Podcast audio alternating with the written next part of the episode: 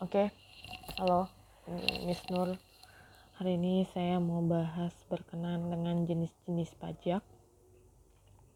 Jadi eh, pajak di Indonesia itu pengenaannya tuh dibagi dua. Yang pertama, yang negara sama yang daerah. Bakal kita bahas satu-satu. Ini saya sebutin dulu dasar hukum dari masing-masing jenis pajaknya. Untuk di negara itu ada pajak penghasilan. Dasar hukumnya itu Undang-Undang Nomor 36 Tahun 2008. Ada pajak pertambahan nilai dan eh, pajak pengenaan barang mewah. Itu dia dasarnya Undang-Undang Nomor 42 Tahun 2009. Ada bea matrai, dasar hukumnya Undang-Undang Nomor 13 Tahun 1985. Ada PBB, hmm, PBB itu dia Undang-Undang Nomor uh, eh, 12 Tahun uh, 1994. Cuman PBB ini semenjak adanya Undang-Undang Nomor 28 Tahun 2009 tentang pajak daerah, itu dia kewenangan penarikannya ada di daerah. Selanjutnya ada BPHTB. BPHTB ini dia dasar hukumnya Undang-Undang Nomor uh, 20 tahun 2000. BPTB itu kepanjangan dari Bea Perolehan Hak Atas Tanah dan Bangunan. Nah, untuk di daerah sendiri tadi udah saya sebutin dasar hukumnya Undang-Undang Nomor 28 Tahun 2009. Kita bahas eh, satu-satu. Mulai dari PPH. Eh, jadi PPH itu adalah pajak yang dikenakan kepada orang pribadi atau badan atas penghasilan yang diterima atau diperoleh dalam suatu tahun pajak. Penghasilan yang dimaksud dapat berupa keuntungan, usaha, gaji, honorarium, hadiah, dan yang lain-lain. Ada beberapa jenis PPH. PPH pasal 15, pasal 19, pasal 21, pasal 22, pasal 23, pasal 24, pasal 25, pasal 26, pasal 29 dan PPH final pasal 4 ayat 2. Eh, awalnya di Indonesia itu pengajak penghasilan ini diterapkan pada perusahaan perkebunan yang didirikan. Eh, pajak tersebut ditanamkan dengan pajak perseroan. Ini dulu ya. Jadi kalau pajak perseroan itu dikenakan terhadap laba perseroan. Ini berlaku tahun 1925.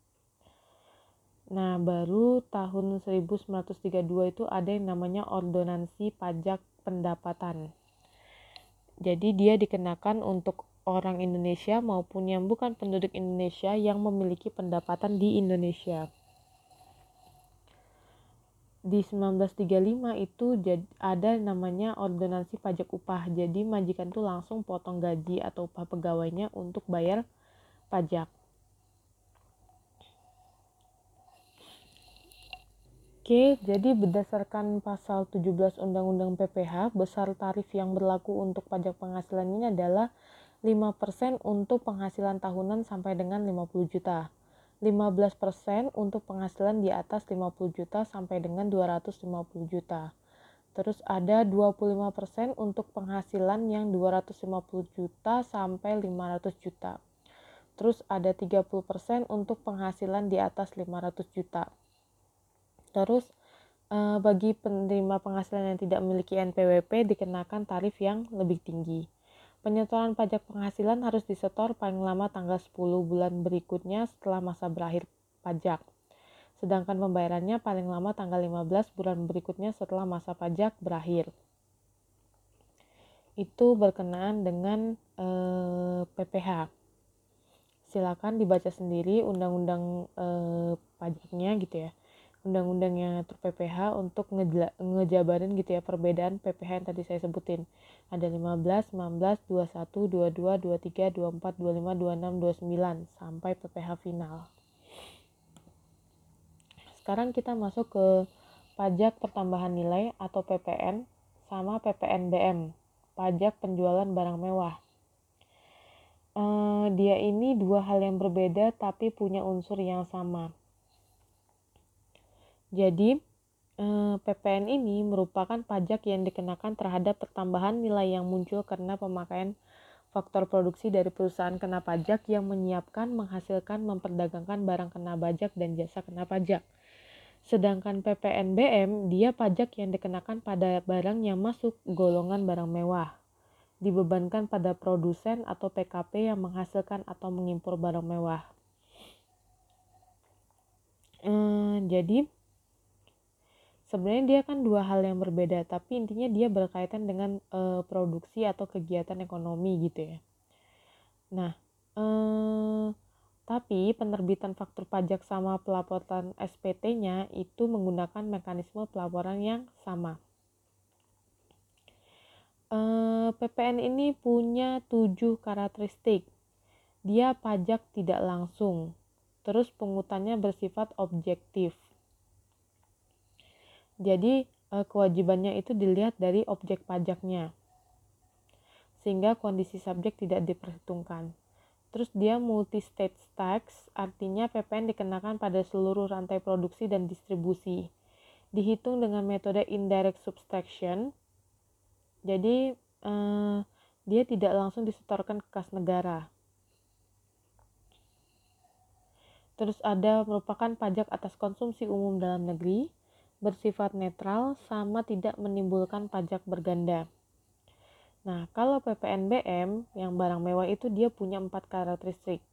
Yang pertama, dia merupakan pungutan tambahan, hanya dikenakan satu kali, tidak dapat dikreditkan. Jika diekspor, PPNBM yang dibayar pada saat perolehan dapat diminta kembali. Tadi kan eh, awalnya kita bilang, saya bilang gitu ya, PPN sama PPNBM ini dia hampir mirip. Jadi penerbitan SPT-nya sama fakturnya itu sama. Cuman dia tetap punya perbedaan. Nah, ini karakteristik perbedaannya. Jenis pungutan. Pada PPN, jenis pungutan yang dibebankan adalah pungutan atas tam nilai tambah barang. Sedangkan PPNBM, pungutannya dia merupakan pungutan tambahan yang dikenakan selain PPN kepada barang yang sifatnya mewah pengenaan pajak. PPN itu dikenakan di setiap mata rantai jalur arus produksi maupun distribusi. distribusi. Sedangkan PPNBM dia cuma hanya sekali bayar, yakni saat impor.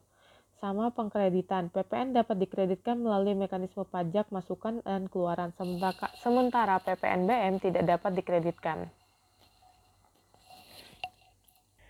Untuk uh, barang mewah nih ya, jadi ada beberapa kategori, ini masih jelasin PPNBM ya yang pertama, dia barang yang bukan merupakan barang kebutuhan pokok yang hanya dikonsumsi oleh masyarakat tertentu, yang hanya dikonsumsi oleh masyarakat berpenghasilan tinggi, atau yang dikonsumsi hanya untuk menunjukkan status atau kelas sosial. Jadi sebenarnya untuk PPNBM ini dia juga punya e, persentasenya masing-masing. Mulai dari yang 20%, jadi dia kelompok hunian e, mewah seperti rumah mewah, apartemen, kondominium gitu ya dengan ada nominalnya juga. Kalau yang 40% itu dia ada kelompok balon udara atau pesawat udara lainnya tanpa tenaga penggerak atau kelompok peluru senjata api dan senjata lainnya. Ini mungkin yang udah mulai uh, talk about hobby ya. Selanjutnya juga hampir sama. Kalau 50% itu dia pesawat udara, helikopter, atau kendaraan yang lainnya yang serupa. Kecuali untuk keperluan negara atau angkutan udara niaga. Sama kelompok senjata api yang kecuali untuk keperluan negara disebutin di sini ada senjata arteri, revolver, sama senjata api itu kena 50%. Nah, yang kena 75% adalah kapal pesiar mewah. Sekarang kita masuk ke pajak bumi dan bangunan pungutan atas tanah dan bangunan yang muncul karena adanya keuntungan dan atau kedudukan sosial ekonomi bagi seseorang atau badan yang memiliki suatu hak atasnya atau memperoleh manfaat darinya. Sifatnya ini dia kebendaan. Subjek PBB ini adalah orang pribadi atau badan yang secara nyata memiliki hal berikut – memiliki hak atas bumi, memperoleh manfaat atas bumi, memiliki bangunan, menguasai bangunan, memperoleh manfaat atas bangunan. Tapi ada juga nih objek yang dia berdiri di atas tanah gitu ya, dia punya hak tapi dia tidak dikenakan pajak. yaitu satu tempat yang berkaitan dengan kepentingan umum, terus yang kedua kuburan, peninggalan purbakala, terus hutan lindung, hutan suaka alam, hutan wisata, taman nasional, itu juga nggak kena. E, perwakilan diplomatik, konsultan juga nggak kena. Yang mempertimbangkan dengan asas perlakuan timbal balik gitu ya. Terus sama e, badan atau perwakilan organisasi internasional yang ditentukan oleh Menteri Keuangan. Tarif PBB ini e, 0,5 persen. Untuk mendaftarkan objek pajak bumi bangunan itu bisa langsung ke kantor pelayanan pajak, e, kantor penyuluhan dan konsultasi perpajakan yang di sekitar atau berkait meliputi wilayah objek pajak kita berada di mana. Terus nanti bakal isi formulir surat pemberitahuan objek pajak. Habis itu udah ikutin aja prosedural yang ada. Oke. Itu PBB.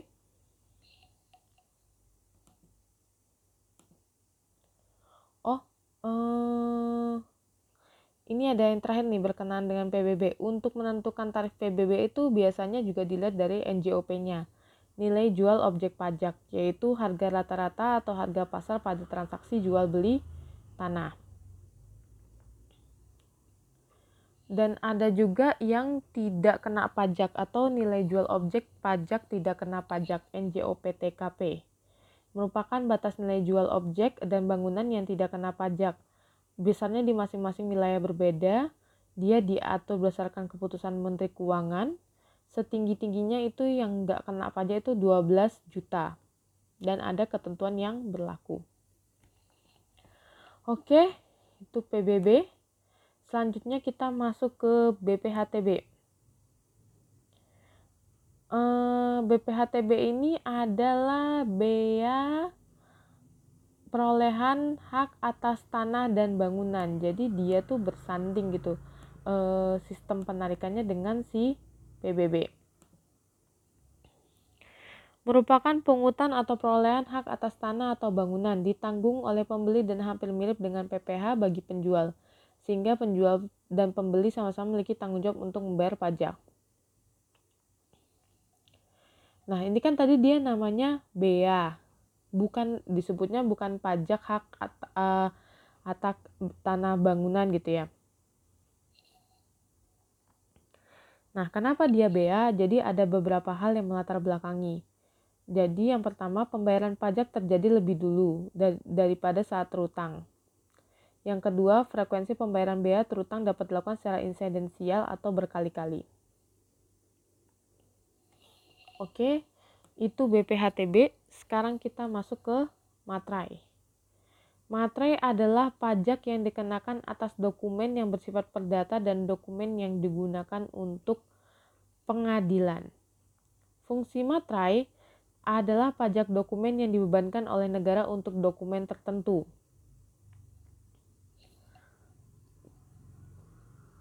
Oke, uh, selain itu uh, tadi dibilangnya dia untuk pajak barang gitu ya, dia juga uh, memiliki uh, fungsi gitu ya untuk penanda tanganan atau penanda oh kalau surat ini tuh berharga. Jadi bisa dilihat di PP nomor 24 tahun 2000 tuh ada beberapa dokumen yang memang uh, harus menggunakan materai. Materai itu ada materai 3000 sama ada materai 6000. Oke. Uh, itu pajak pusat. Sekarang kita masuk ke pajak daerah. Jadi dia adalah kontribusi wajib kepada daerah yang terutang oleh pribadi atau badan yang bersifat memaksa berdasarkan undang-undang dan tidak mendapatkan imbalan secara langsung digunakan untuk keperluan daerah bagi sebesar-besarnya kemakmuran rakyat. Pajak itu bisa dibedain kalau ini pajak daerah ya. Jadi dia bisa pajak provinsi. Pajak provinsi itu ada kendaraan bermotor dan kendaraan di atas air. Bea balik nama kendaraan bermotor bahan bakar kendaraan bermotor. Terus ada pajak pengambilan dan pemanfaatan air bawah tanah, sama ada pajak rokok. Sedangkan untuk kabupaten kota, ada pajak hotel, pajak restoran, pajak hiburan, pajak reklame, pajak pentangan jalan, pajak mineral bukan logam dan batuan, pajak parkir, pajak air tanah, pajak sarang bung walet, PBB perdesaan dan perkotaan, eh, sama eh, B apa yang bea tarif atas hak, hak atas tangan BP, BP, BHTB yang tadi saya sempat sebutin. BPHTB susah banget nyebutinnya. Itu pembagian jenis pajak umumnya gitu ya. Nah, tapi dia bisa dipersempit lagi gitu. Jadi ada juga jenis-jenis pajak lainnya. Yang pertama ada pajak langsung sama pajak tidak langsung. Kalau pajak langsung, pajak yang bebannya ditanggung sendiri oleh wajib pokok pajak dan tidak dapat dialihkan. Sedangkan yang tidak langsung dapat dialihkan karena jenis pajak ini tidak memiliki surat ketetapan pajak. Terus ada juga pajak subjektif sama pajak objektif. Nah, contoh pajak subjektif itu PPH. Contoh yang objektifnya PPN. Ini udah saya jelasin pajak pusat dan pajak daerah. Oke, itu uh, kali uh, beberapa penjabaran gitu ya terkait dengan jenis pajak. Terima kasih uh, sudah mendengarkan podcast ini. Semoga podcast ini bisa bermanfaat untuk kita semua.